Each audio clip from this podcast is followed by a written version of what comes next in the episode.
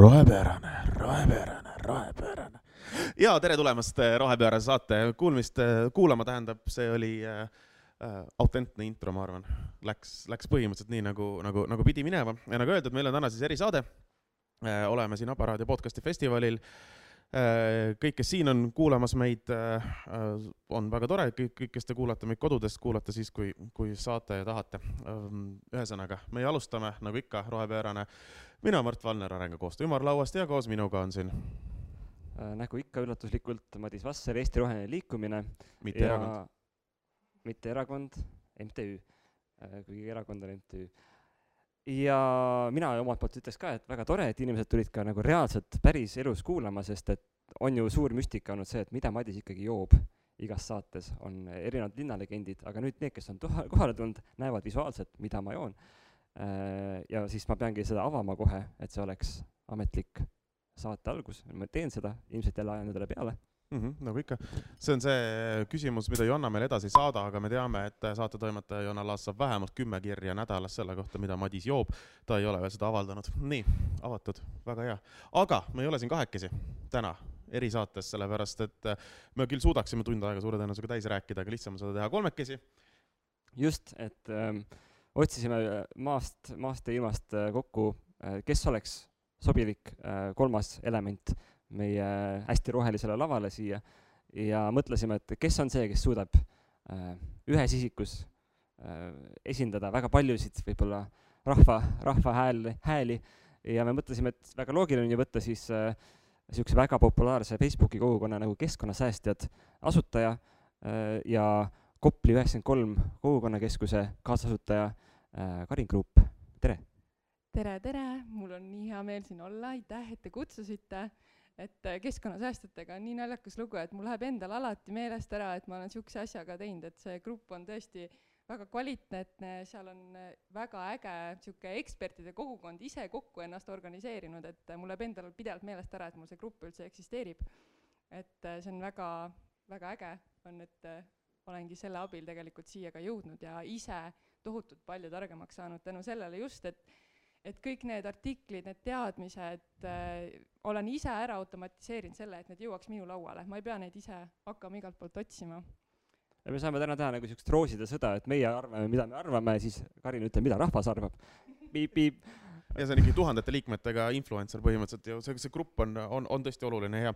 aga enne kui me läheme kõikide teemade juurde, selle juurde, mida meie arvame, mida Karin arvab, mida rahvas arvab, eh, siis eh, meil on see võimalus küsimusi küsida kogu selle saate jooksul, kõik, kes vaatavad kuskilt eh, veebist, Elisa Stage'ist või kes on siin, on selline platvorm nagu Slido, kui te lähete sli.to kaldkriips rohepoorane, siis te saate küsida küsimusi või kommenteerida või rääkida oma mõtteid kõige selle kohta, mida te siin kuulete. kui te olete siin kohapeal, siis saate loomulikult tõsta kätt ja küsida, küsida siin kohapeal küsimusi. ja nagu meile öeldi, see, Slido jääb üles veel paariks äh, päevaks, nii et kui te kuulate seda saadet praegu äh, näiteks äh, kuskilt Spotify'st, Delfist või, või oma lemmik voogedastusplatvormilt, siis järgmise kahe päeva jooksul alates, oota, täna on laupäev, laupäevast on võimalik kommenteerida kõike seda ja võib-olla me ka jõuame nende lugemisteni. ja järgmine kord avaldame, sest me võib-olla loeme neid suurema tõenäosusega kui Delfi kommentaare, ma pean juba ütlema kõikidele Delfi kommentaatoritele, ja kes on väga häbelik või kellel ei ole nutitelefoni, siis äh, laua peal siin on paberid ja pliiatsid ka, et äh, saate kirjutada meile küsimusi või joonistada meile küsimusi jah, see on, kui sa oled häbelik, siis tõsta paber üles hästi kõrgele ja oma küsimusega, et keegi ei näeks, kes see küsis, see on alati ka hea variant. Nii, aga erisaade, me mõtlesime, et me täna ei räägi hästi palju siis äh, sellistel päevakajalistel teemadel, räägime natuke üldisematel keskkonna äh, müütide ja, ja keskkonna ütleme siis eksiarvamuste teemadel, sellepärast et nagu kõik, kes on rohepöörase saadet kuulanud, teavad, see on see koht, kus te saate teada tõde selle kohta, mis tegelikult keskkonnas toimub. ja, ja siis me hakkame täna sellisteks müüdimurdjateks rääkima sellest, mis, mida inimesed arvavad valesti. Ja eesmärk on paljastada müüdid, mida, mille kohta inimesed isegi ei tea, et need on müüdid, sest need on nii suured ja nii nagu levinud arvamused, aga, aga tegelikult on täiesti valed. see on väga hea sissejuhatus, Madis, näiteks mis jõuame sinna, jõuame sinna, aga minu arust nagu ilus üleminek oleks see, kui Karin räägib, miks üldse tekkis niisugune grupp nimega Keskkonnasäästjad, mis seal oli sellel viga, et kuskil oli enne niisugune ökomammide grupp, kes arutasid, mis seepi osta koju? Miks see maailma ei päästnud? miks sa Jaa. arvad, et ei päästnud? äh, nii-öelda keskkonnasäästjate gruppi sihuke vajadust ma nägingi siis, et me saimegi aru, et äh, meil on olemas siuksed padu keskkonnaaktivistid, kes on nagu väga kirglikud, väga radikaalsed, aga si-, ja siis meil ongi need metsa poole ja meil on plastikuvabad ja veganid, aga mul oli sihuke tunne, et, et see probleem on väga palju suurem, et miks on nii, et me lahendame igast küljest seda kliimaprobleemi, ökoloogilist kriisi, aga me ei ole seda veel ära lahendanud et reaalselt meil on nii palju mustmiljon erinevat elustiili juba pakkuda, aga mitte, mitte miski ei ole nagu suutnud fundamentaalselt muuta seda, kuhu me liigume. ja noh, see üks põhjus oli ka seda gruppi luua, et, et ise ka nagu paremini aru saada, mis, mis värk siis toimub. ja, ja lõimegi grupi selleks, et äh, kutsuda kokku siis sellised inimesed, keda võib-olla huvitab äh, prügi sorteerimine või kes tahavad ka nendele küsimustele vastuse saada, aga ütleme, prügi sorteerimisest läks teema ikkagi väga kiiresti väga palju suuremaks, kaugemaks ja hakatigi siis lahkama just küsimusi, et äh, mis, mis on see juurpõhjus ja mis võiks olla see kõige suurem, olulisem muudatus, lahendus, arusaam selles kriisis. ja üks neist ongi siis näiteks, et äh, kas tehnoloogia päästab meid selles äh, suures sigaduses, mis me oleme siis loodusega äh, kokku mänginud ja, ja see on huvitav ja nagu oluline rääkida sellest, et võib-olla noh, kui me ütleme, et oo, et meil on palju keskkonnamüüte, meil on palju uskumusi, et mis, mis justkui ei päde, siis äh, väga paljud neist on sellised, mida inimesed isegi ei tea, et nad usuvad. see on nii, see on, see on nii status quo ühiskonnas, see käib igal pool meediast läbi, see on, see on, see on nii tugev, nii sihuke peen äh, rohepesu, et inimesed isegi ei tea, et nad seda usuvad või selles vaimsuses või meelsuses elavad. ja see on üks müüt, mida me vähemalt keskkonnasäästjates siis proovime, proovime murda pidevalt, pidevalt ühesõnaga, sina arvad, et äh, tehnoloogia ei päästa maailma, saame aru? just nii. Mis siis päästab? see on alati see hea küsimus. ei no see, kuhu me hakkame jõudma, siis äh, me, see, see ongi, see ongi hästi-hästi suur, hästi oluline küsimus, eks ole, et kas tehnoloogiliselt on võimalik äh, asju paremaks teha, eks ole. kui me räägime praegu näiteks äh, noh, peamisest, kui me räägime kliimateemadest, siis me räägime CO2-st, eks ole, meil on hästi palju uut tehnoloogiat arendatakse välja, kuidas teha seda CO2 capture'it, kuidas kinni püüda, kuidas õhust püüda, kuidas ähm, eelnevalt püüda, kuidas seda kinni panna, kuidas paigutada, kuidas kinni püütud CO2 uuesti ära kasutada selle jaoks, et teha sellest midagi paremat ja nii edasi ja nii edasi. väga palju väga huvitavad tehnoloogilised lahendused, millest äh, ma ütlen nüüd ausalt, nähakse ju väga suurt äh, reaalselt äh, nii-öelda tuleviku, tuleviku perspektiivi ja seda, mis võikski tulevikus ära lahendada, et noh, et me nagu kasutame sama palju edasi ja toodame sama palju edasi ja siis äh, lihtsalt see ülejääk, mis meile ei meeldi, eks ole, selle me püüame kinni panema kuhu, kuhugi maa alla, kuni me oskame sellega midagi teha ja siis, siis, siis on nagu eluring jälle, kõik on, kõik püsib hästi ühesuguse ja puhtana. ja sa ütled, see ei tööta nii? Äh, ma tahakski lisada ühe niisuguse intrigeeriva kommentaari võib-olla, et äh, kui sa ei ole teadvustanud seda ise, näiteks Eesti ühiskonnas, olles üles kasvanud, olles siin saanud oma hariduse, kui sa ei ole kordagi sellele mõelnud, siis sa oled tehnoreligioosne inimene. sa usud tehnoreligiooni sisuliselt, kui sa ei ole sellest kordagi mõelnud ja kordagi analüüsinud seda ja, ja noh, fakt on ju selles, et äh, ka tehnoloogia on pärit loodusest ja kogu loodus meie ümber on piiratud ja miks ma ütlen just niisugune tehnoreligioon ja et kas tehnoloogia päästab või mitte, fakt on see, et, et, et ka tehnoloogia ei suuda mitte millestki midagi toota. see alati tuleb, tehnoloogia saab jagada, liigutada ressursse ühest kohast teise, saab probleemid äh, liigutada ühest probleemist, muundada ühest ühed probleemid teisteks probleemideks. aga, aga fakt on see, et, et, et insenerid ei suuda seda probleemi mis on meie kliimakriis nii-öelda lõplikult ära lahendada, võib-olla me suudame seda kuskile mujale natuke noh, hävitada kuskilt mujalt loodust, mitte sealt, kus vanasti ja noh, hävitada järjest niimoodi hajutada. aga lõpp, lõpuks on ikka see, et see kogu olukord jõuab ühte punkti, kui me sama, sama teed jätkame. ma, ma hü- hüppan siia vahele, et äh, kuidas näeb välja, kes ei ole käinud keskkonnasäästjate grupis, siis äh, see kasutajakogemus näeb välja umbes selline, et sa, sul on hea päev, sa oled rõõmus, avad keskkonnasäästjate grupi ja siis noh, siin nagu Mart äh, viitas, et, et kas Karin arvab, et tehnoloogia ei päästa meid, noh, inimestel on erinevaid arvamusi. ja siis sa lähed sinna keskkonnasäästjate gruppi ja seal on äh, Jaak Kristjan, kes on postitanud jälle nagu mingi seitse fakti, teadustöödega nagu põlistatud fakti ja siis noh, siis sa saad aru, et et see ei ole arvamus, see on nagu haigelt ära tõestatud asi, mis ta ütleb, et kuidas tehnoloogiaga on siin ja seal mingid probleemid ja siis, siis su ilus päev läheb tumedamaks. jaa, aga, aga see on alati see osa, eks ole, et see on see tehnoloogia, mis meil on praegu. vaata, ma olen teinud ka väga palju igasuguseid äh, rohetehnoloogia ja, ja tehnoloogia teemalisi äh, saateid ja, ja, ja rääkinud nende inimestega, nad on äärmiselt optimistlikud, väga tore, palju-palju lõbusam on rääkida nende inimestega, kui rääkida äh, keskkonnasäästjate gruppide inimestega, sellepärast et nad tulevad sulle stuudiosse.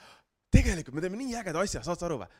Üks breakthrough veel ja maailm on päästetud, meil on üks asi on veel puudu sellest asjast ja me oleme kohe nagu kõik ära päästnud. ja, ja see entusiasm ja see on, see on nagu täie, täiega sihuke tore ja, ja äge ja, ja ja, ja selline, et, et äh, kogu aeg on see tunne, et noh, et natukene veel, et noh, siiamaani okei okay,, me oleme nõus, kõik oleme nõus, praeguse tehnoloogiaga ei saa päästa, eks ole, aga üks, üks asi veel aga muidugi siis üks asi tuleb ära, siis ütleks veel üks asi. Äh, see tihtipeale noh, äh, läheb see kuidagi see, see jada niimoodi sujuvalt, sujuvalt edasi, eks ole.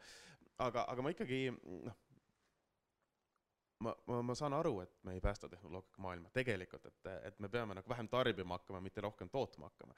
see, see on täiesti loogiline.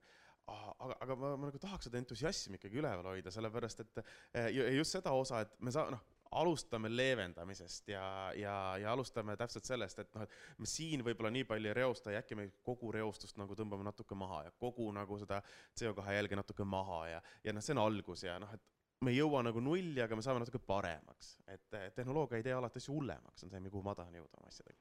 Äh, ma arvan tegelikult, et see asi, mis tekitab suurt elevust, on tegelikult innovatsioon ja innovatsioon ei pea olema alati tehnoloogiline, vaid võib olla ka sotsiaalne innovatsioon, see võib olla ka operatiivne innovatsioon, ehk siis lihtsalt see viis või süsteem, kuidas sa asju lahendad.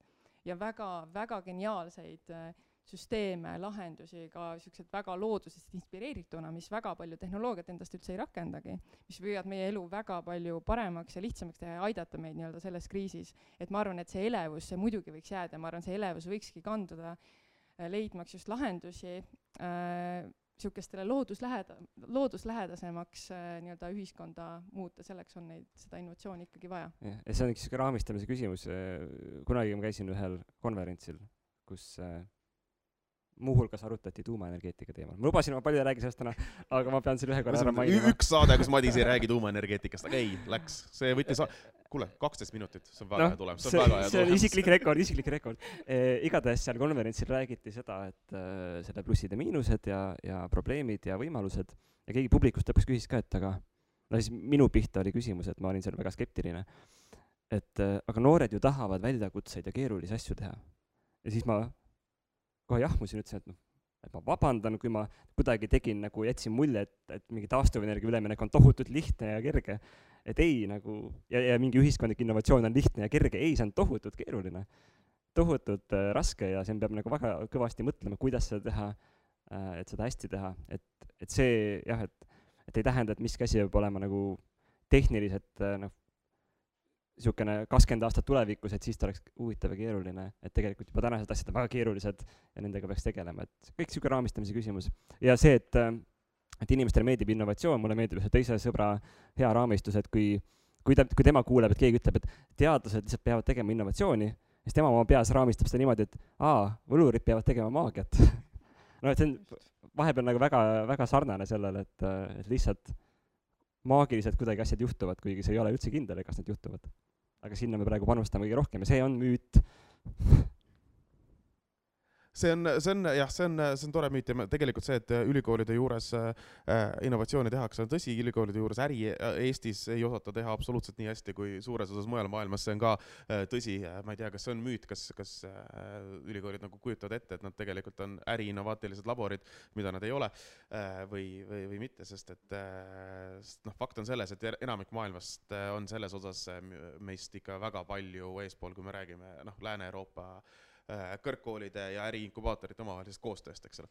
Äh, kust võiks tulla ägedad uued innovaatilised lahendused, äh, kus võiksid needsamad sotsiaaldemo-, demograafid ja, ja ütleme, cleantech ehitajad ja, ja nii edasi omavahel teha mingisuguse ägeda koostööprojektid ja, ja nii edasi.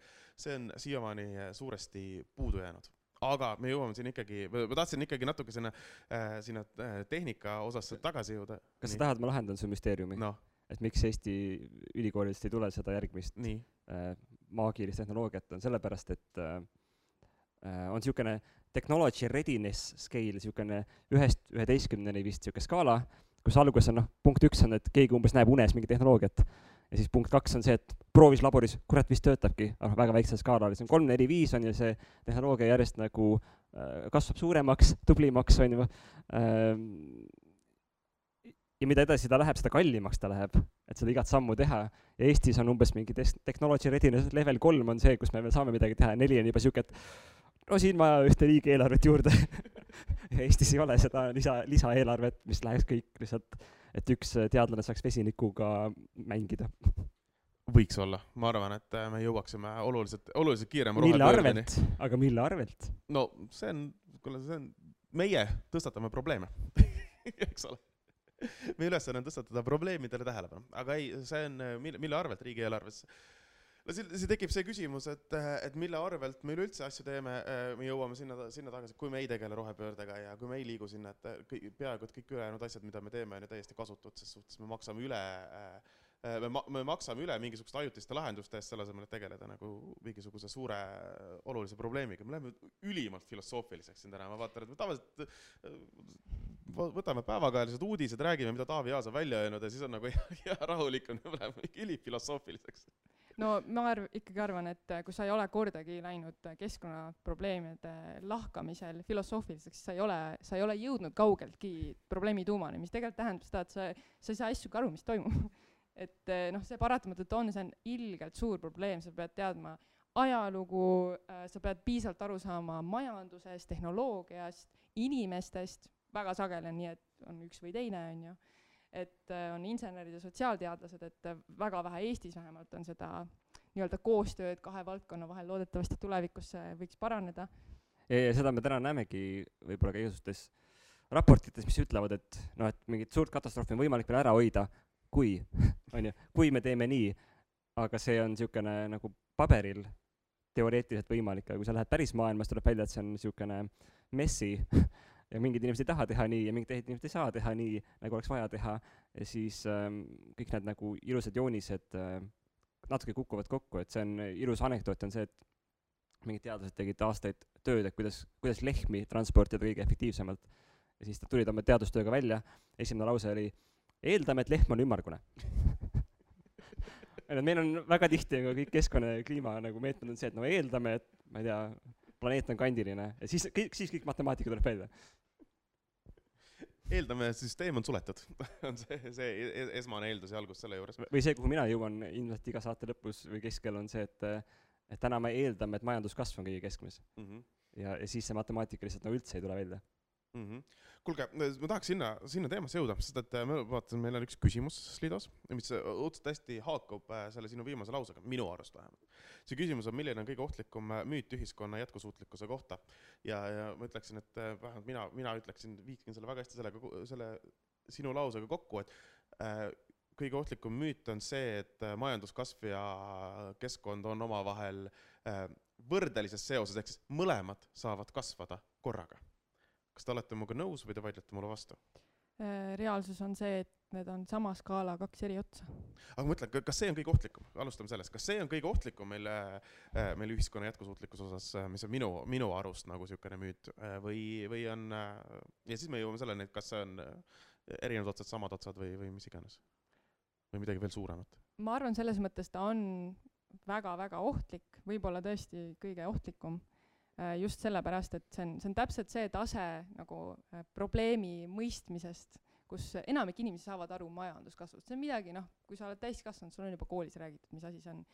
et äh, kui sa usud, et majanduskasv saab jätkuda, see sisuliselt tähendab seda, et sa ka usud, et sinu niisugune elustandard või täpselt selline eluviis, nagu sa elad ja selline tulevik, mida sa praegu ette kujutad, on, saab olema täpselt selline, nagu sa seda ette kujutad ja vot see on ohtlik, see on, noh, ma ütlengi, et see ei ole väga niisugune säilenõtke viis, kuidas mõelda, sest inimesed ei ole valmis kohanema, sa oled oma nagu mugavustsoonis ja noh, samamoodi on selles mugavustsoonis kõik, enamik otsuse tegijaid, ettevõtjad, kes noh, sihivadki nii-öelda kogu, kõiki protsesse sinna suunas, mis reaalselt lõpuks lihtsalt kas siis mingi kriisi tulemusel hakkab kokku varisema, sest lihtsalt see maailm, see ressursipagas ei toeta enam sellist tegutsemisviisi, mis on ületarbimine mm. -hmm ma siis vastan midagi muud, et oleks huvitavam ähm,. ma arvan, et üks kõige ohtlikumaid müüte on see, et, et meil on veel aega.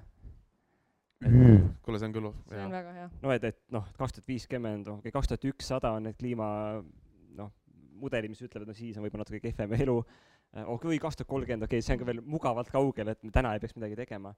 aga noh, kui sa vaatad ajalukku tagasi natuke, et kuidas erinevad äh, ma ei tea, kliimaeesmärgid näiteks on pandud paika, siis noh, üheksakümnendatel öeldi, et kaks tuhat on see viimane piir, kus peaks täiega, hakkama tegutsema. ja siis on nagu seda purki löödud kogu aeg nagu mööda maa, teed edasi, et et noh, et kunagi oli see üks kraad oli niisugune juba katastroofiline soojenemine, siis teeme, teeme, teeme üks koma viis kuni kaks. et noh, see on niisugune endale niisuguse rahustuse tekitamine, aga, aga Aga- tegelikult aga see ongi probleem, vaata, selles või võib-olla see edasilükkamine, et, et okei okay,, et me saime selle ühega hakkama, me saame ühe koma viiega, me saame äkki kahega ka hakkama, lükkame kaks koma viis varsti, eks ole, ja nii edasi. et, et see ongi võib-olla see kommunikatiivne probleem, sellepärast et eh, kui sa ütled, et üks on katastroof, aga siis ühe peale ütled, no okei, tegelikult nagu noh, veel saame, veel elame üle, siis inimesed mõtlevad, aga see poolteist, kaks, see on ka nagu see noh, seal me elame samamoodi edasi, kedagi ei huvita. üks on kohal, on ju, ja vaata. üks on kohal väljas, on ilus ilm, eks ole, eile sai terrassi peal päikest võtta, eks ole, noh, jumal, kui meil on aprillikuu, noh, on jah, noh, et, et selles suhtes, aga, aga ma nõustun selle ajaga, selle ajaga on, eks ole, hästi-hästi huvitav on ju vaadata seda äh, igasuguseid neid samu äh, kliimaprogramme ja, ja neid ideid neid noh, energeetikasse jõudnud natukene jälle minnes, eks ole, neid igasuguste energiaettevõtete kliimaprogramme, et me praegu läheme samamoodi edasi, kaks tuhat viiskümmend on null. aga kuidas, see pole oluline, praegu läheme samamoodi, kaks tuhat viiskümmend on null. seal kuskil mustas augus tuleb üks tehnoloogia, mis päästab. jaa, see on, sinna, sinna me jõuame selle eelmise teema juurde ka tagasi. No ma arvan, et need äh, noh, need ohtlikumad uskumused ongi väga tugevalt omavahel seotud, et isegi kui inimene on veendunud, et tarbimine ei saa jätkuda, siis ta arvab, et mul on veel aega seda natuke teha, noh et noh, kümme aastat panen veel nii, et siis hakkan mõtlema, mis oota, aga mis, mis Mardi äh, enda nagu pakub? ei, mina, mina, minu pakun oligi see, et äh, ma arvan, et äh, see, et majanduskasv ja, ja okei, okei. ja keskkond saavad samal ajal äh, mõne, mõlemad minna suju, sujuvalt ühtemoodi üles, et mitte nagu temperatuuri mõttes, aga, aga nagu, et äh, meil on äh,, kuidas ma ütlen, sa ostad nagu iga aasta, eks ole, suurema teleka ja samal ajal tekib puid juurde. et, et see nagu, nagu see paralleelne nagu maailm kuidagi ja mitte nagu sinu aed ainult, vaid kogu, kogu, kogu maailma, kõik läheb nagu roheliseks. ja sa endale ütled, et su te telekas on tegelikult tehnoloogiliselt efektiivsem kui eelmine telekas. mis on tõsi, aga kuna ta on palju suurem kui eelmine telekas, siis sa tegelikult teed rohkem kahju lõpuks. aga ta on paremas energiamärgisega, nii et see, kuigi rohkem. enam ei ole ja ta on rohelisem äkki jah, roheliselt värvi, eks. ja see roheline värv teleka ekraani peal on palju ilusam ja sa saad vaadata loodusfilme, mis räägivad äh, ilusast loodusest palju parema graafikaga. Ma lisaks veel ühe ohtliku uskumuse ja müüdi, on see, et äh, efektiivsuse kasv, vaata, me räägime hästi palju, kui me räägime rohepöördest, rohepöörasest pöördest siis äh, räägite. jah, või me räägime tehnoloogilisest arengust, innovatsioonist, siis tohutult palju ka keskkonnaettevõtjad ise, kes siis enda meelest loovad midagi keskkonnasäästlikku äh,, räägivad sellest, kuidas me kasutame natuke vähem ressursse selleks, et teha mingit liigutust mm. -hmm. aga siis on veel niisugune asi nagu Jevonsi paradoks, eks ju, kus äh, see sa küll kasutad vähem ressurssi, aga selle tõttu on see teenus või toode odavam, mistõttu tegelikult seda hakatakse rohkem tarbima ja see on, see võib silmapilkselt, võib ühiskond äh, äh, võtta sellise uue tarbimisharjumuse nii omaks, et äh, ilma selleta on täitsa keeruline nagu elu isegi ette kujutada, et kunagi on ju auto oli mingi suur suur-suur äh, leiutis, mis aitas sul, ma ei tea, kaugele minna mingit maad avastama, on ju, et see oli mingi haruldane juhus, aga nüüd on see, et auto on meie, noh, saanud meie igapäeva nii-öelda lahutamatuks osaks, nii et meil on lausa raske normaalset elu elada ilma niisuguse väga kiire efektiivse transpordilahenduseta. ja mulle meeldib lisada siia ka niisuguse hea näite, et äh, need tõuksid, mis meil tänaval on, need on väga lahedad tõuksid, ma ütlen, ma sõidan nendega, mulle väga meeldib nendega sõita, aga paraku on nii, et need kohad, kus sa varem võib-olla kõndisid, nüüd sa sõidad selle tõuksiga. mitte ei ole, et äh, sõidad auto asemel tõuksiga. Need kohad, kus sa varem kõndisid, sa enam ei kõnni, sest sul on tõukse täis. täpselt. see on, see on muidugi õige, seda, on ka uuritud, ütleme nüüd Bolti näitel, kes on äh, jällegi rohetehnoloogia ettevõte, eks ole, süsinikuneutraalne. me võime rääkida siin ka igasugustest muidugi, vot see on see küsimus, kas, kas äh, kui me räägime süsinikuneutraalsusest, et ka- kas see on kuidagi üldse müüt või kas inimesed nagu päriselt noh, et ma sõidan autoga, see ei saa päriselt olla süsinikuneutraalne, eks ole, see on, kõik, kõik saavad tegelikult aru sellest, aga ma mõtlen ettevõte, kes ütleb, et noh, minu lend on, sa lendad siit nagu noh, ütleme Türki süsinikuneutraalse lennuga no tegelikult kõik saavad aru, et see ei ole nagu päriselt läheb see CO2 täpselt sama palju, eks. lihtsalt keegi paneb kuhugi, istutab rohkem puid, võib-olla. võib-olla, no vähemalt ostab sertifikaadi keegi saab raha kindlasti. keegi saab raha sellest, keegi ostab kellegi käest sertifikaadi, kes lubab, et ma istutan rohkem puid või vastupidi, lubab, et ma ei võta neid puid siit maha, eks ole. no nagu me teame, just Tartus käis väisamas üks Soome ajakirjanik, kes, kes oli just teinud pika loo sellest, kuidas Soome mingi siukene offset imise, korvamise ettevõte oli täielik mula nagu, neil ei olnud mitte midagi peale selle ilusa veebilehe ja suure investeeringuhunniku ja, ja siis neil oli umbes vabandus, et miks nad ei ole veel päriselt teinud midagi, et, et vihma sadas. ei saanud puid panna kasvama, vihma sadas, see oli, see oli väga, väga, väga puudele ju ei meeldi teatavasti niiskus. yeah.. Aga nende puhul oli ka, ka see, et neil ei olnud mingisugust sertifikaati, samal ajal kui me jõuamegi sinna vabandust, offset'i- neil oli iseenda poolt antud sertifikaat. jaa, okei okay,, vabandust, see täpsustame jah. tegelikult me võiksime hakata ka andma ise rohepöörase sertifikaate näiteks ettevõtetele, ma ei tea, kas see maksab midagi või mitte ja ma ei ole kindel, kas see on hea sertifikaat või halb, aga äh, iseenesest offsetting'u juurde jõudes, kas offsetting on äh, rohepesu või ei ole, on see, on see küsimus, sest et äh, lõpptulemusena sa võid öelda, et see, tegemist on räige rohepesuga, me müüme kliimaneutraalseid lende, kuigi tegelikult kõik noh, või, või sõite, eks ole, millest me alustasime ja nii edasi ja nii edasi, aga lõpptulemusena, kas, mis iganes see tagamõte on, fakt on selles, et keegi reeglina kuskile teeb midagi, mis on keskkonnale kasulikum, mida muidu ei tehtaks, eks ole, mis ongi see offsetting'u sertifikaadi nagu see taga, eks ole, põhimõtteliselt. ehk siis see ei ole ju üdini halb asi. või te tahate mulle vastu vaielda? Äh, ma tahaks lisada lihtsalt, et kui me juba hakkasime puudest rääkima, et me oleme väga palju rääkinud tehnoloogiatest, sest räägime, toome siis looduse natukene ka siia juttudesse sisse, et äh, üks müüt kindlasti, mida noh, ma arvan, paljud usuvad või ei ole jällegi teadvustanud endale, on see, et äh, et kliimakriis ja ökoloogiline kriis ei ole äh, kaks eraldi asja, et me ei saa tegelikult neid vaadata eraldiseisvalt äh,. me ei, me ei lahenda kliimakriisi, kui me ei lahenda ökoloogilist kriisi ja vastupidi et äh, sisuliselt noh, see offset imisega on täpselt sama lugu, et äh, jah, okei okay,, see kuskilt istutati seda metsa, aga vaadata laiemalt, et kus see mets tegelikult maha võeti, kus see kaevandus rajati, kus see mingi vesi või põhjavesi pekki keerati selle arvelt. et, et selles mõttes see lennuk ei tulnud ka mitte kuskilt, et äh, mingeid ressursse oli selleks vaja ka hankida, et isegi kui kuskil need puud tekkisid, siis kokkuvõttes niisugune tehnoloogia ei saa olla neutraalne. kuskil läks loodus hävi-, ma, ma, ma olen sinuga täiesti nõus, aga ma, ma tahan jõuda selle väga konkreetse ühe asja juurde.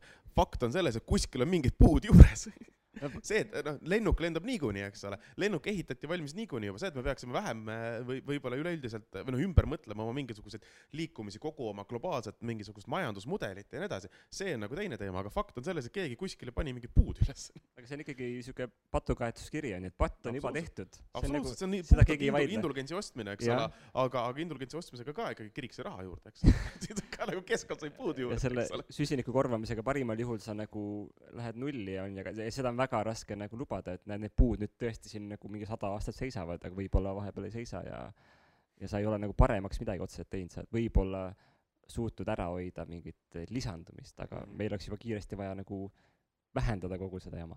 äh, puude istutamine ei võrdu ökosüsteemide taastamisega, et see on metsa ei saa istutada. jah, täpselt, et kui sa ostad hunniku poti lille, siis sa ei päästa loodust sellega, sisuliselt see on seesama, mis me teeme, et me elurikkust äh, nii-öelda mõõta puude numbritega on täiesti mõttetu. ma ei, ma ei vaidle teile üldse vastu, aga fakt on selles, et puid on rohkem. ma arvan, kokkuvõttes neid ei ole rohkem, nüüd No on lihtsalt see, et, et mis asju sa nagu võtad arvesse, Mhm. kus sa arvutad neid puid. ja see on, siin tuleb jälle see, mida Karin ütles, et see kõik on nii kuradi keeruline, et ka puude istutamine on äh, noh, on alasid, kuhu neid ei tasu istutada, on ju, kui see on põllumaa, mis tegelikult võiks olla põllumaa mida sa istutad, kui sa istutad nagu siukse monokultuuri, siis see on lihtsalt siukene jällegi elurikkuse mõttes äh, suht null. kuulge, aga elurikkudest rääkides, üksteist miljonit äh, seemet äh, Etioopiasse vist oli, kuhu see Bolt neid istutada tahab, mis te arvate? kas see on nagu, kas see neutraliseerib selle, et me kõndimise asemel tõuksiga sõidame? no jällegi iga tehnoloogiaga on paratamatult see, et kuskilt sa võtad, noh, kuskile nad panevad siis tagasi, aga kuskilt on ikkagi võetud seda ressurssi. Et äh, minust tuleks pigem küsida jah, et, et mis tehnoloogiaid reaalselt on vaja. ma, ma ei tea selle asju, selle asja detaile, aga tavaline taktika mina olen ka näinud ainult Instagrami reklaame ma ei oska rohkem video öelda on selle kohta. et kui sa tavaliselt sisse vaatad siukeste asjadesse, siis äh, see umbes lõpeb alati sellega, et Etioopias oli mingi külakene, mis lihtsalt buldoosetati ära ja sinna on vaja nüüd seemneid külvata, onju. ja kohalikud, kes oli mingi noh, nemad ei olnud äh,, ei offset'id piisavalt või midagi iganes, et, et see sageli lõpeb mingis väga halvas kohas. Äh, ma arvan, see kõik see offset imine ja nii-öelda nende, kahjude korvamine ja kõik, et, et kogu see süsteem tervikuna ja kogu selline lahendus ajada taga ta- mingit äh, CO2 kogust äh, on selles mõttes minu, minu arvates täiesti mõttetu, lihtsalt kokkuvõttes see süsteem ise on nii suure overhead'iga, et me ei kunagi, noh, mina ei jõua sinna Etioopiasse vaadata, et kas see oli see küla, mida buldooserdati ja pandi või mis oli see seeme, mis sinna istutati ja kuhu see pandi ja kas see üldse läks kasvama ja kas selle eest hoolitsetakse või tuleb keegi ja ikka hävitab selle pärast ära, et oli ainult mingi rent võetud pooleks aastaks saada, et see nüüd maha külvata, nii et seal on nii palju detaile ilmselgelt see on täiesti mõttetu minna mul nüüd kontrollima ja kujuta ette, et me hakkame iga toote, iga teenuse niisugust tagalat kontrollima, jõua mitte kunagi sinna, et pigem peakski olema see, et see toote teenuse nii-öelda need raamid, kus sa saad üldse lahendusi luua, on juba selline, et need ei saa nii palju toota selliseid äh, nii-öelda väga kehvasid tagajärgi. mul, mul on metakommentaar lihtsalt äh, publikule ja neid, neile, kes vaatavad otseülekannet või pärast videot järgi, et meie jutt on nagu lihtsalt nagu risti vastupidine sellele videole, mis siin taustal vahepeal jookseb, kus äh, ma just nägin, et seal oli ka, et istutage metsa ja päästate maailma. et see on äh,, ja see ongi, see ongi see, miks me siia tulime. et äh, olla ebapopulaarsete arvamuste levitajad. aga ma väidan siiski, et äh, tehes neid asju äh, läheb äh, maailm natukene paremaks. Sa ei päästa maailma, see on üks järgmine sa populaarne sa ebapopulaarne asi. see on üks sa järgmine ei tea seda. see, see, see, sinu peas sul tekib tunne, et sa Jaa. tegid midagi, aga nagu on the ground seal Etioopias sa võid teha ikka ilget jama nagu. ja parem oleks olnud, kui sa ei oleks teinud seda skeemi, parem oleks olnud, kui Bolt oleks öelnud, et me ei ole süsinikuneutraalsed, me ikkagi nagu tossutame, me soodustame siin nagu äh, elektri tarbimise kasvu on ju sellega, et inimesed jalutamise asemel vuristavad äh, äh, tõuksidega. ja me nüüd oleme otsustanud, et me tõmbame, ma ei teagi, midagi kõvasti vähemaks või blokeerime oma autodega mõnda liiklus ummiku tänavat ja noh, mingid siuksed aktsioonid, mis päriselt vähendavad silmnähtavat süsinikuheitmeid, mitte ei ürita neid kuidagi Excelis ära kaotada. aga siin on publikust küsimus, me peame selle võtma. jaa, mina siin ahah. selle metsaistutuse osas räägiks. et kui taustal näidati, et ta- tasuks ka metsa istutada, siis äh, metsa istutamine ei ole mitte kuidagi võrreldav lillepotindusega ega aiamaaga. Et äh, kui te räägite sellest, et metsas kasvab monokultuur pärast metsa istutamist, siis see kasvab tänu hooldusele. et kui sa istutad metsa ja kui sa ei hakka teda hooldama kuusemetsaks, kasvavad seal kõik lehtpuud tulevad vahele, iga kuusetaim ei lähe kasvama, sul tuleb selle kuusetaime asemel ikkagi noh, kõrvalmetsades, kus iganes tuleb, linnud toovad need lehtpuu seened, igasugused asjad. aga kui sul on hooldus, siis jah, saab hooldada seda ainult kas kuusemetsaks või männimetsaks. et see on nagu töö, et metsa istutamine iseenesest on ikkagi väga tänuväärt tegevus. Jah. mõttes ei saa kuidagi öelda, et metsa istutamine Aga saite nüüd? Ei, aga- mulle tuleb aga- meelde, kuidas me eile, selle esimene kommentaar tuleb mulle meelde, kuidas me eile õhtul arutasime, kuulge, ärme seda metsateemat homme arutame nagu selle käest. täpselt, et äh, Ei. selles mõttes, et mina olen täna kolmekümne kolme aastane, esimest korda ma läksin metsa istutama siis, kui ma olin viieteistaastane. ja need, see mets on juba päris, päris suur täna. Ei, loomulikult. et see nagu pole kasulik tegevus olnud või et poleks seda pidanud tegema.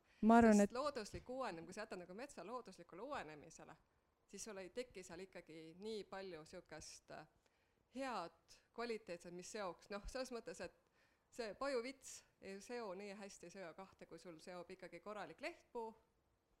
et selles on ikkagi suur vahe.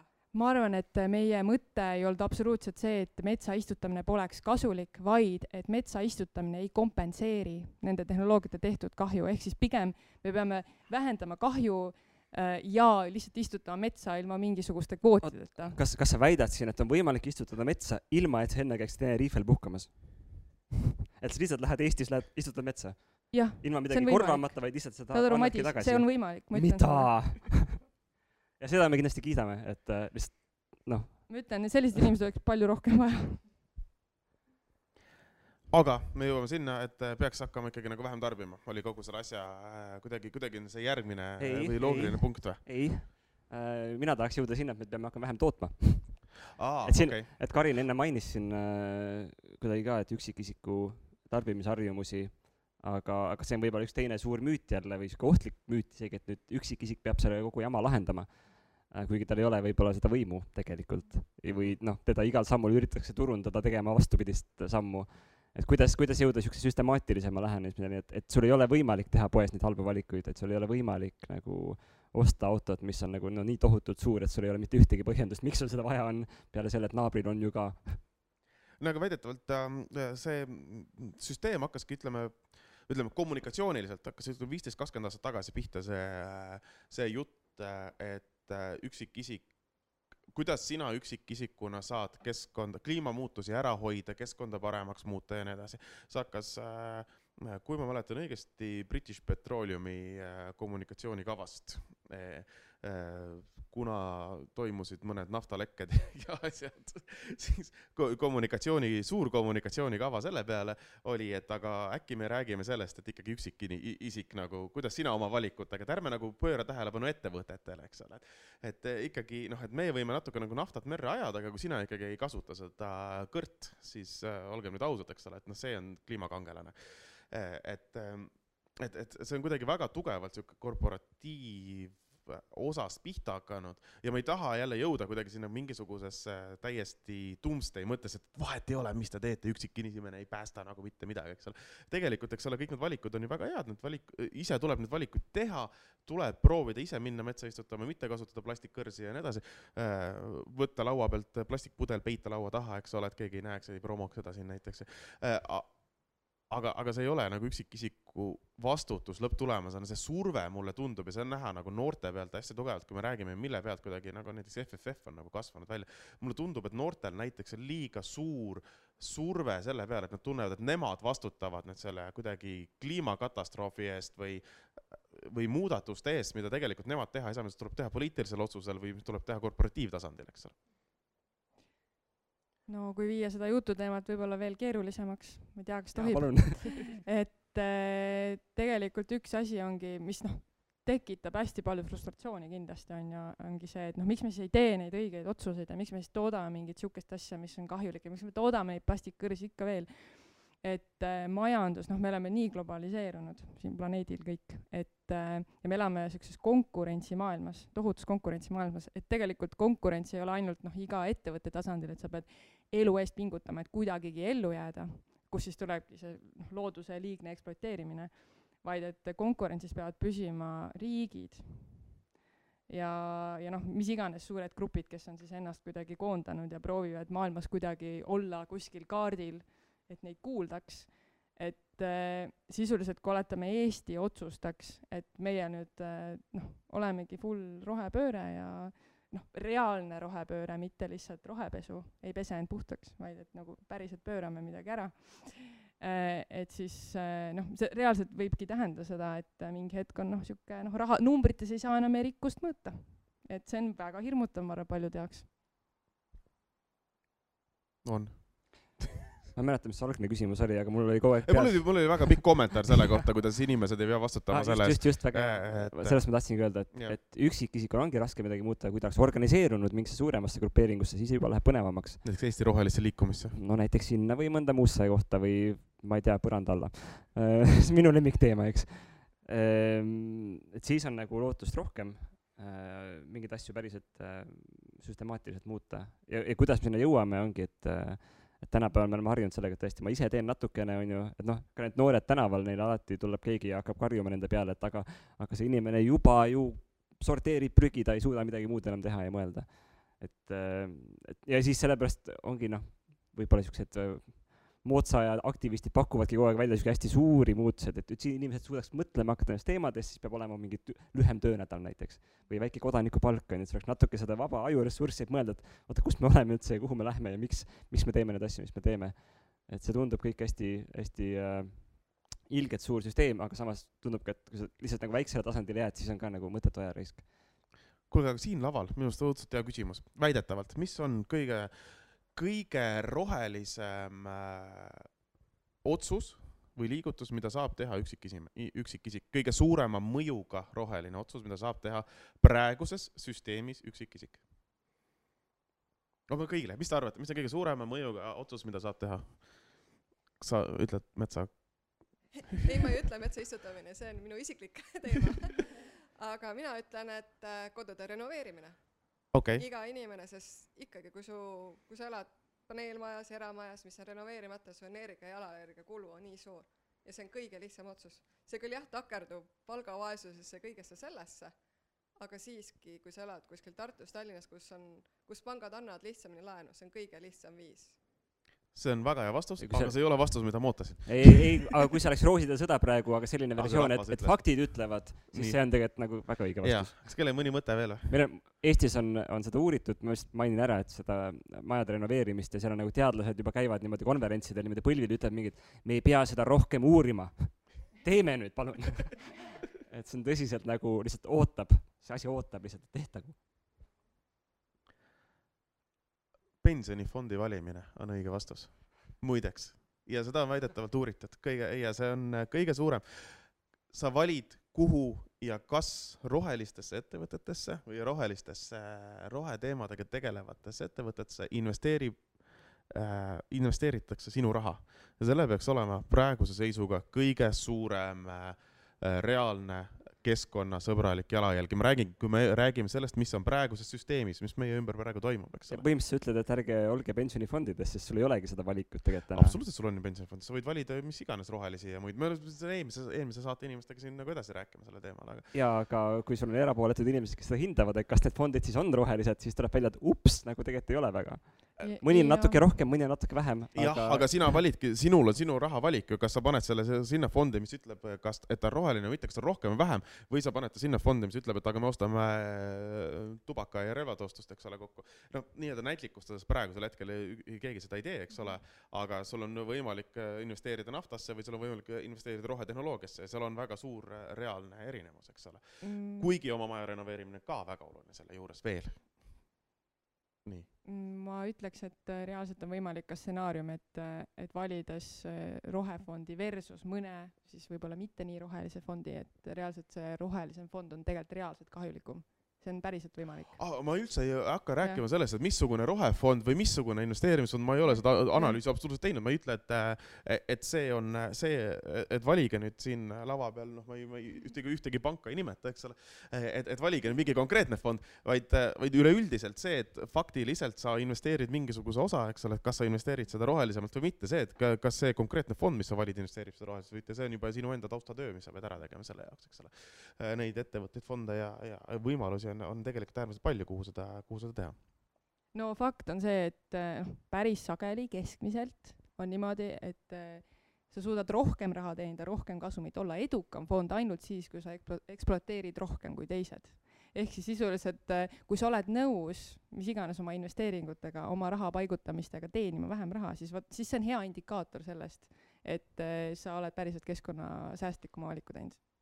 No ei- ma ei ütle alati, et keskkonnasäästlikult käitumine peab olema finantsiliselt halvem. ma ei ütleks, et see peab olema indikaator. ei, see ei pea olema, aga laias laastus on no laialt, jah, okei okay. jah, ses suhtes, et sa investeerid ettevõttesse, mis ei investeeri enda kasvu ja nagu me juba jõudsime sinna, et kasv äh, ei ole tasakaalus sellega, kuidas me hoiame keskkonda. võib ka kasvu investeerida, aga see nüüd sõltub see, et mis see, mis see kasv tähendab. Ma annan üldse mitte investeerimisvastuse. ma arvan, et suurim asi, kui sa tahad nagu laisk olla, siis suurim asi, mida saad teha, on võib-olla oma ähm, energiapakett üle vaadata, kust, kust su energia tuleb, kas see on Eesti Energia põlevkivienergia või mingi muu energia, see on niisugune mugav asi, mida kodus teha ühe klikiga. ja millel on kindlasti suur mõju, võib-olla ka mõju sinu äh, elektriarvele, aga, aga noh, teoreetiline mõju on see, et aa, siis sa nagu toetad seda äh, väiksema keskkonnajalajäljega elektrit võib-olla, kuigi ka see on hästi sügav teema, kuhu me täna ei lähe sisse.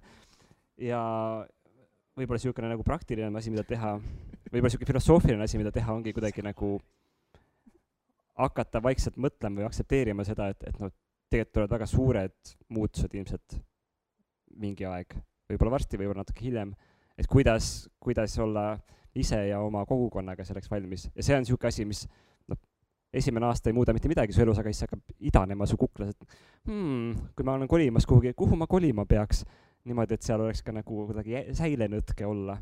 ja siis see hakkab närima sind ja siis sa hakkadki tegema nagu märkamatut mingeid muutusi oma elus, oma lähedaste elus, sa hakkad tahtma palju vähem asju ja palju kvaliteetsemaid asju äh, ja see, nagu sa muutud immuunseks selle võib-olla reklaami osas, mis sulle nagu iga päev siin ekraanidelt vastu vaatab. et see on võib-olla niisugune vaimne nihe, mis on hästi suur tegelikult. ma nii väga tahtsin sulle vahele segada ja siis sa ütlesid täpselt selle, mis ma tahtsin öelda, nii väga. ühesõnaga, et äh, tegelikult reaalselt äh, üks väga suure mõjuga, ma arvan, väga oluline asi, mida üks indiviid saaks teha, mida reaalselt ei olegi vaja, et kõik seda teeksid praegu, aga see, et mingi kriitiline mass mõtleks sellele, et äh, või noh, esiteks saaks aru, milline ühiskond noh, tõenäoliselt, kuhu ta liigub päriselt.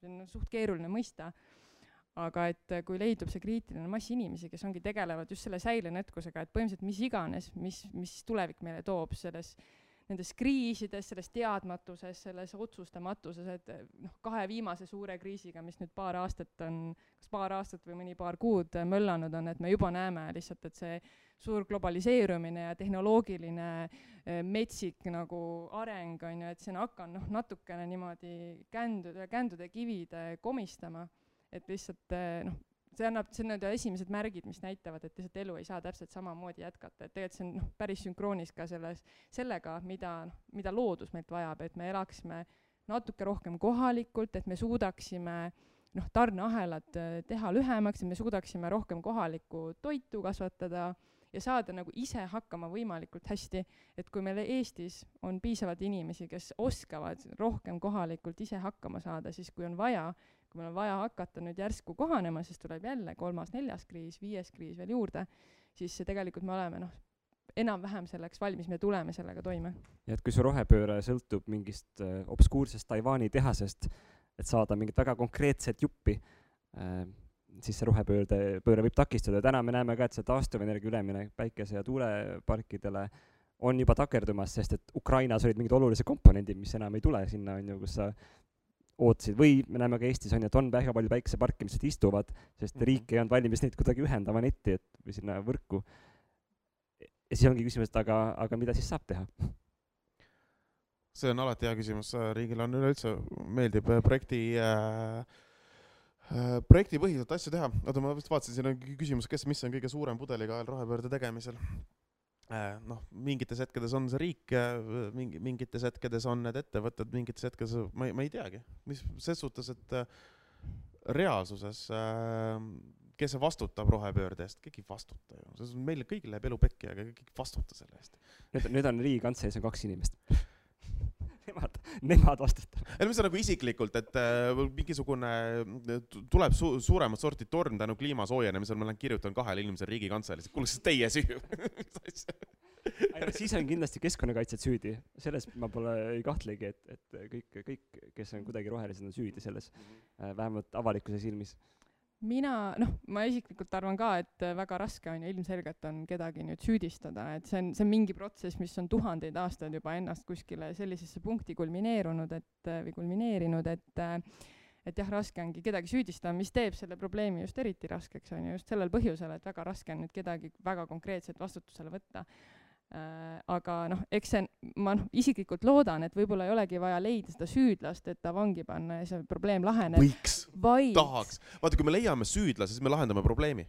see on, see, on ka lihtne nagu loogika, vaata. aga ma, ma natuke arvangi, et tegelikult äh, see olukord ise juba veidike kuskilt otsast lahendab ennast, et juba lihtsalt see, et, et noh, kuna me ajame nii-öelda kõikide poliitikatega taga efektiivsust aga efektiivsus on nii habras, et nüüd me lihtsalt näeme, kuhu me oleme jõudnud, et see efektiivsus on lihtsalt nii hapraks läinud, see overhead on nii nagu suureks kasvanud, et me ei suudagi sellega enam sammu pidada. et sisuliselt lõpuks on lihtsalt see, et noh, nagu me praegu näeme, et juba ressursid on niivõrd kalliks nagu muutunud, et äh, me ei suuda enam seda, kogu seda süsteemi hallata manageerida ja sisuliselt noh, ta varisebki niimoodi tükk-tükk haaval kokku, et äh, noh, see on juba väga suur sihuke indikaator nagu kõikidele kus iganes sa siis elad, et tegelikult mingid asjad, mida sa enam ei saa tellida teiselt poolt maakera, mis sinuni ei jõua, ja sa pead leidma alternatiive, sa pead leidma kohalikke alternatiive, sest esimest korda üle pika-pika aja on need vähekenegi konkurentsivõimelisemad sinu kohalikus äh, keskkonnas et ma arvan, et see on juba üks asi, mis tegelikult juba iseenesest hakkab nagu kliimakriisi kuidas, natuke leevendama. kuidas me eile siin saadet ette valmistades äh,, sa tsiteerisid äh, World Economic Forumi mingisugust visiooni aastaks kaks tuhat kolmkümmend viis oli see või? oli vist jah, ma et, pead ei anna. et noh, et äh, ägedad inimesed elavad linnades ja lendavad autodega ringi ja siis on mingisugused outcast'id, kes elavad maal ja ei suuda tehnoloogiaga kaasa minna, ei ole nõus, kuidagi plõki, plõksivad ja blokivad. aga noh, täna me oleme juba olukorras, kus paar päeva tagasi oli uudis, et, et kanamunade hind on mingi lakke läinud on ju, ja siis Mm. linnarahvas ongi, mis asja, appi, nagu see oli üks asi, mis me arvasime, et on alati odav ja maainimesed on mingid, mis asja. Kana muneb sama palju, mis kanamuna maksab midagi või? et, et, et nad ei märkagi, et midagi on muutunud kuskil tarneahelates, sest nende tarneahel on nagu köögist lauta ja Mhm. tagasi kööki. no eks see, see ongi täpselt tegelikult see, et, et kuna kütused on lihtsalt nii kaua olnud nii odavad, et siis on niisugune mulje, noh, et see on, see on täiesti paigast ära, mis hindadega üldse meie eluks vajalikud nagu tooted peaksid olema, et üks neist kindlasti on noh, toiduvaldkond, millest me võime ka võib-olla rääkida natuke. No ma lihtsalt tuletan meelde, meil on umbes kümme minutit kokku veel aega. okay., et äh, Pikalt kui me läheme toiduvaldkonda ja sellesse, et äh, Ukraina viljapõldude tõttu mingisugused äh, paarsada tuhat inimest kuskil ära sureb, mis on meist kaugel ei loe jumal. ja, ja kõik need muud asjad, siis äh, no ärme sinna, sest täna vist ei jõua minna kahjuks jah. või õnneks, ma ei tea. ma ei tea ka, et noh, selles suhtes ühesõnaga, et äh, lihtsalt see, et äh, nii-öelda see efektiivsus teeb siin oma korrektuure ja me ei suuda enam sellega sammu pidada, et me reaalselt tegelikult näeme, et et noh, kui me näeme need munad, kanamunad on läinud kallimaks, siis see on tegelikult esimene signaal võib-olla Eesti, ma ei tea, talunikele, et hakata ise tootma, sest võib-olla varem see oli lihtsalt nii kahjumlik, et sellel ei olnud mõtet, aga esimest korda on võib-olla niisugune, võib tulla niisugune idee, et kuulge, äkki kanamunadega saab ka elatist teenida ma hakkasin mõtlema just, et kanad on võib-olla lõpuks äh, ametiühingu asutanud ja nõuavad kõrgemat palka, et sellepärast on hinnad üles paremaid elutingimusi nõuavad, seda Parem- nõuavad juba praegu. eurokanaleid. jah, jah, jah ei, iseenesest äh, me saame selle toiduainese jõuda selleni, et äh, kõik see, mis meile kohale tuuakse, täpselt kui me räägime kohvist, banaaridest ja nii edasi, et äh, see on ju vana tõde, et kohvikilo peaks maksma kaks korda rohkem, banaanikilo peaks maksma umbes viis kilo, viis eurot kilo ja nii edasi, et kui me tahame, et et selle tootmise eest saaks kohalik kasvataja ära elaks, et see, et keskkonda saaks samasuguseks jätta, et me peaks ehitama monokultuure või looma monokultuure koha peale ja nii edasi ja nii edasi ja nii edasi, eks. Kui me jõuame natuurmajandusse, siis võibki, et kilo banaane maksabki viis kilo seda mune. No ma ütlen, et praegu reaalselt on viimane aeg, et hakata sügavalt tundma õppima reaalselt neid taimi, mis juba Eestis kasvavad, et kes veel ei teadnud, siis mustikas on täpselt sama hea kui see assai mari kuskilt teiselt poolt maakera. kas me räägime siin sellest, et äh, kas vegan olemine päästab maailma või sa pead olema kohalik vegan, et päästa maailma? nojah, ma arvan, et äh, see on ka üks huvitav diskussioon, mis meil keskkonnasäästjates oli, et äh, noh, seal on ka, no veganlus on alati on ju, kütab väga-väga tugevalt kirge ja ma ise olin ka kunagi taimetoitlane vegan päris palju aastaid, aga see hetk, kus ma sain aru, et et see kino, vaata, kurat, see peab, tuleb ka ikka päris kaugelt nagu siia, et mis asja ma teen ja siis hakkadki noh, just mõtlema sellele kohalikule, et ma pean ju tegelikult leidma kohalikul tasandil kõiki neid toitaineid aga siis ainuke inimene, kes teadis, kes reaalselt teadis, mis Eestis kasvab, oli vanaema, kes sõi väga palju liha kahjuks ja siis ma pidin temalt õppima kõigepealt, et mida üldse Eestis reaalselt võimalik on süüa, nii et see on täielik kõrgem pilotaaž, et õppida olema Eesti vegan. nii et ma ütlen, et palun kõik Eesti veganid lihtsalt õppige olema Eesti kohalik mahevegan siis ma olen kohe jälle väga sõnakas Eesti kohalik ma- mahevegan koos teiega, aga senikaua õpetab mulle vanaema Tiiu, kuidas kuidas mingeid äh, Eesti, eestilikke roogasid teha ja seal kahjuks vahel on ikka liha ja mingit taimset loomset rasva ka. ma saan aru lihtsalt nagu olude sunnil onju. Ja täpselt olude sunnil. ja see on nii on alati olnud. kuulge, aga ma teen ettepaneku, me küsime, kas kellelgi on mõni küsimus ja, ja siis, ja siis äh, vaatame, teeme väikse wrap-up'i varsti pärast seda. või mis te arvate? ma pean veel vastama sellele pudelikaela küsimusele pudel- oma, oma poolt ka. ma lubasin jagada ju teile seda ägedat uut mõtet, mis ma sain ühest raamatust, raamatu nimi on Less is more, Jason Hickel, soovitan. ja seal oli väga ilusti välja toodud see, et ähm, no tema seal terve raamatu bashib äh, majanduskasvu ja seda kasvupõhist loogikat ja tal oli hästi ilus niisugune nagu kujutluspilt, et kui vanasti äh, astronoomid, noh, kirik ütles neile, et planeet Maa on kõige keskes. kõik muu käib ümber planeet Maa. siis nad olid mingid, okei okay,, olgu, proovime, vaatame, matemaatika on veits imelik, aga olgu, noh, äkki käibki. ja no ja hästi palju anomaaliaid oli, pidi tegema erandeid, et asi töötaks, onju, et noh, kõik orbiidid olid jumala imelikud. ja siis tuli see nagu mõtteviisi vahetus, et oota, aga päike on tegelikult kõige keskmes. ja plaksti kõik läks paika, aa, no see on ju loogiline. Ja täna meil on samamoodi, et meil on nagu majanduskasv on kõige keskel ja kõik muu peab keerlema ümber selle ja noh, no ei tule välja tegelikult nagu vaatame, et noh, järjest hullemaks läheb äh,, mingi jama. et kui me saame nagu sellest lahti, et seal keskmes peab olema majanduskasv, kui me paneme, et keskmes peab olema hoopis keskkond, siis plaksti, aa, me peame tegema neid asju ja neid asju ja see on loogiline. Et äh, ma arvan, et see pudelikael ja mitte mina ei arva seda ainult, vaid äh, ka rahvas arvab, sest et keskkonnateadlikkuse uuring, mida Keskkonnaministeerium teeb, seal oli küsimus, et mis takistab teil olemast keskkonnasäästlikum ja kõige populaarsem vastus, kakskümmend kuus protsenti ütles, et äh, suurem ühiskondlik muutus. ühesõnaga, me kõik oleme süüdi. see on see, mis sa tahtsid öelda. ei ma arvan, et lihtsalt mingisugune kultuur on selles süüdi, aga see kultuur on muutumas, mulle tundub. ja see võib muutuda üllatavalt kiiresti, et needsamad kriisid, mis siin on ja mida tuleb veel, need kindlasti aitavad sellele kaasa oma, oma julmal moel.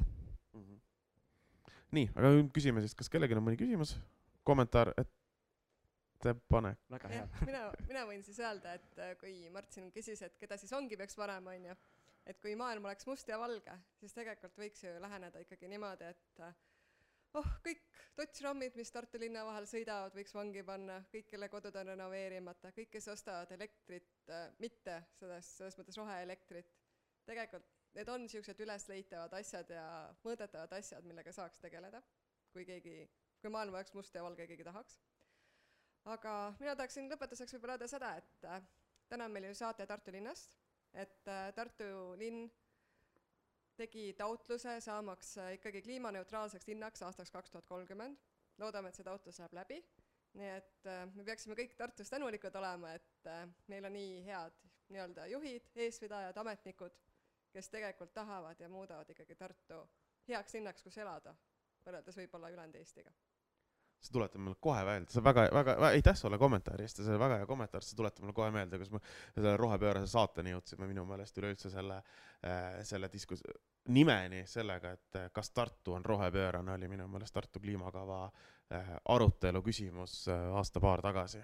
et äh, ma ei tea, kogu selle kommentaari pealt võib-olla Tartu on rohepöörane, võib-olla on esimene kliimaneutraalne linn Madis startlasena ma käisin seal paneelil, sellepärast äh, see nimi pandigi võib-olla ja seal ma olin nagu äh, ettevaatlikult optimistlik, et suund on õige, nüüd tuleb nagu vunki juurde panna. aga minu arust Tartus on nagu huvitav see, et kaks tuhat kakskümmend neli kultuuripealinna raames on nende läbiv teema ellujäämise kunstid. ja seda ma tahaks näha seal nagu hästi julgelt olla esindatud, et okei okay,, et aga räägime, mis on need tegelikult siuksed eksistentsiaalsed küsimused, mis meil on ja, ja ühe oma seltskonnaga mõtleme, et äkki me tahaks katsetada nagu siukest, kas Tartus on võimalik ellu jääda, kui sa oled lokaalselt Tartu ja selle lähiümbruse ressurssidest elatuv ja, ja toituv või sa sured nagu nädalaga välja. et äh, loodan, et see projekt äh, äh, ühel hetkel läheb käima ja siis, siis me näeme, et nagu kus need kitsaskohad on tegelikult täna ja mis oleks veel vaja teha. ja kes on Tallinnast ja on veits nukker, et Tartu on nii sihuke eesrindlik ja tal seal Tallinnas pole ikka mitte midagi teha, kõik on täiesti lootusetu, et siis Kopli üheksakümmend kolm kogukonnakeskus tegeleb täpselt samamoodi nende vanaemade ja vanaisade tarkustega, mis meid võib-olla aitavad tegelikult rohepöördes, mis rohepöördes annaks meile väga palju tarkust juurde, väga palju inspiratsiooni. niisugune Tallinna versioon paranduskeldrist ja aparaaditehasest ja Mhm. kõigest Just. muust heast. just. kuulge, aga väga tore äh,, aitäh äh,, ma ei tea, meile kolmele aitäh kõigile, kes siia kuulama tulid, aitäh kõigile, kes, kes nüüd edasi kuulavad meid ja nagu ikka, lõpetame siis sellega, et kui kellelgi on veel küsimusi, mõtteid, kommentaare, siis äh, kirjutage joanna.laastet.ekspressmeedia.ee ja saatke need kõik sinna, sellepärast et äh, ja, ja see Slido on ka, vabandust sli.oo ja kaldkriips rohepoorane veel kaks päeva lahti, nii et kui keegi tahab äh, kuulata ja meilt veel küsimusi ja kommentaare küsida, siis siis seda võib ka teha, oota, aga me teeme kõlliga uuesti või? aa, okei okay,, teeme kõlliga lõppu uuesti. Kuulmiseni!